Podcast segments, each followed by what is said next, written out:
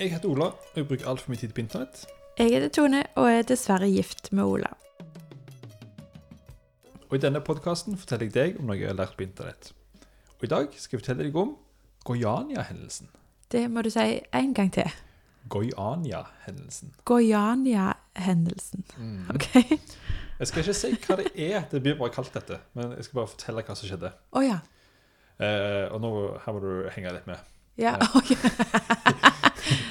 Eh, 13.9.1987 i Goiania i Brasil.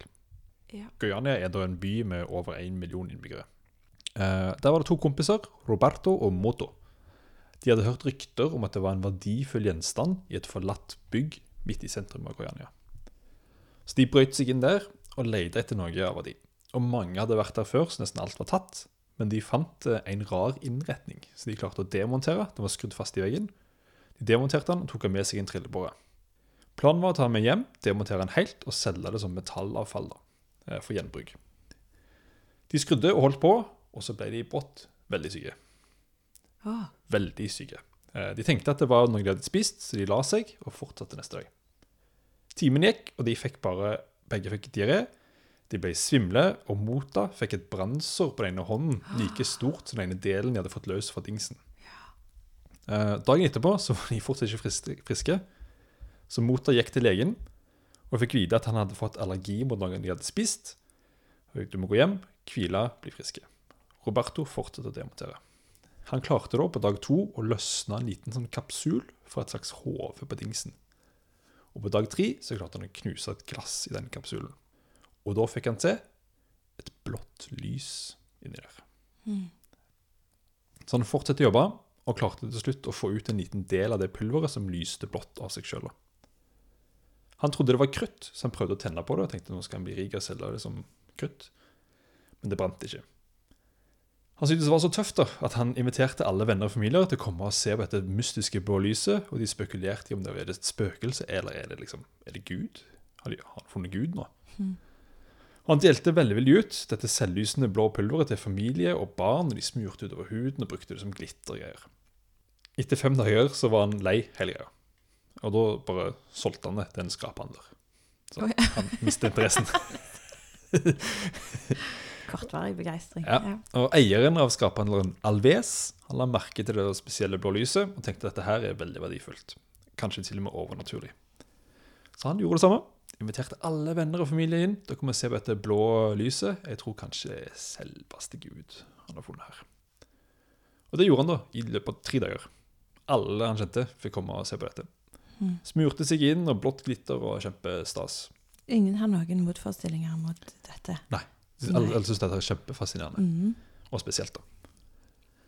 Og Etter tre dager, når Alvesa hatt han, eh, så klarte en kompis av han å løsne enda mer av det pulveret. Faktisk sånne riskornaktige klumper. Eh, Og Broren til Alves tok med seg noen av de riskornene hjem og ga det til den seks år gamle datteren sin, som hun lekte med. Hun hadde kjempegøy, smurte utover gulvet, hoppet og koste seg. Så satte hun seg ned og spiste en sandwich som var dekka i blått, selvlysende støv. Kona til Elvis, Gabriella, hun fikk òg noen riskorn og ble umiddelbart veldig, veldig syk.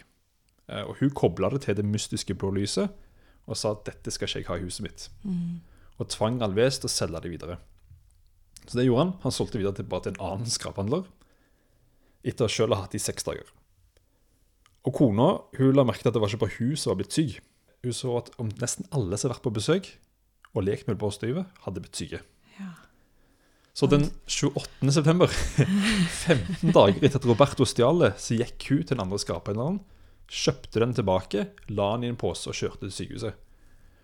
Slang den i bordet og sa Jeg vet ikke hva dette her er, men alle ble syke av det. Og morgenen etterpå var hele Goiania i lockdown.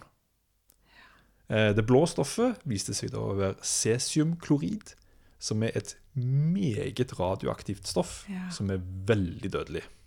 Mm. Og Grunnen til at det bare lå liggende i et forlatt bygg midt i Brasil, er fordi det stoffet brukes i radiologimaskiner. Så det Ja, forlatte bygget har vært et sykehus som hadde en Ja. røntgenmaskin. Som Roberto da demonterte og knuste og kom seg inn selv til den radioaktive kilden. Og det var kjent at den maskinen lå igjen i det bygget. Men pga. en rettstvist om hvem som eide tomten, så fikk ingen lov til å gå inn der. Og Eieren av den maskinen var klar over at det var radioaktivt stoff der, i en forlatt bygning uten noen som helst form for sikring. Ja. Og de hadde varsla mange autoriteter om at de må få lov til å gå inn der og ta den maskinen før noen andre tar den, men det fikk de ikke lov til. Og så bygger det på seg som en sånn legende om noe skjult. Det er noe verdifullt der inne. Ja. Ryktet sprer seg, og så kommer det da eh, idioter inn og Ja. tar den.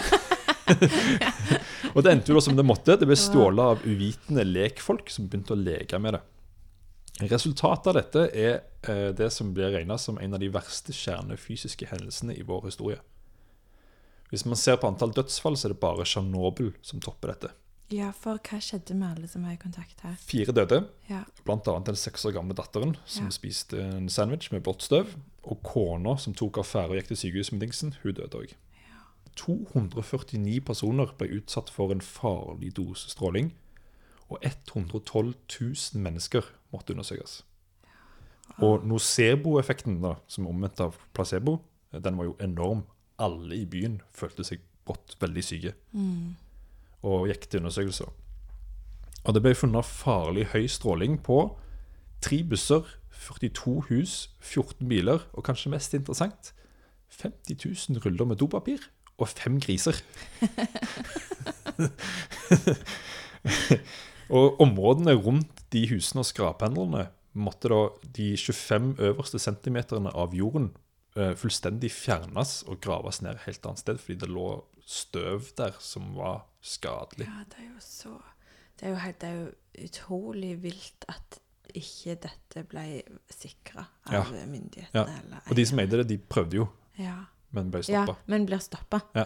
Det Det er jo noen kunnskapshull her som er For jeg tenkte først at jeg syns um, Jeg er jo veldig for eventyrere og eh, idioter i hermetegn. Men av og til så kjenner jeg For jeg kjente jo fra du begynte, det der hva er, den inst hva er instinktet ditt når du finner noe selvlysende i naturen? Tar du et skritt tilbake, eller begynner du å leke med det før du undersøker det? Og Mm. i 1987 ah, for, Noen hadde jo litt peiling Hadde jo hørt om radioaktivt stoff til nå, Ja, men kanskje ikke sånn på folke...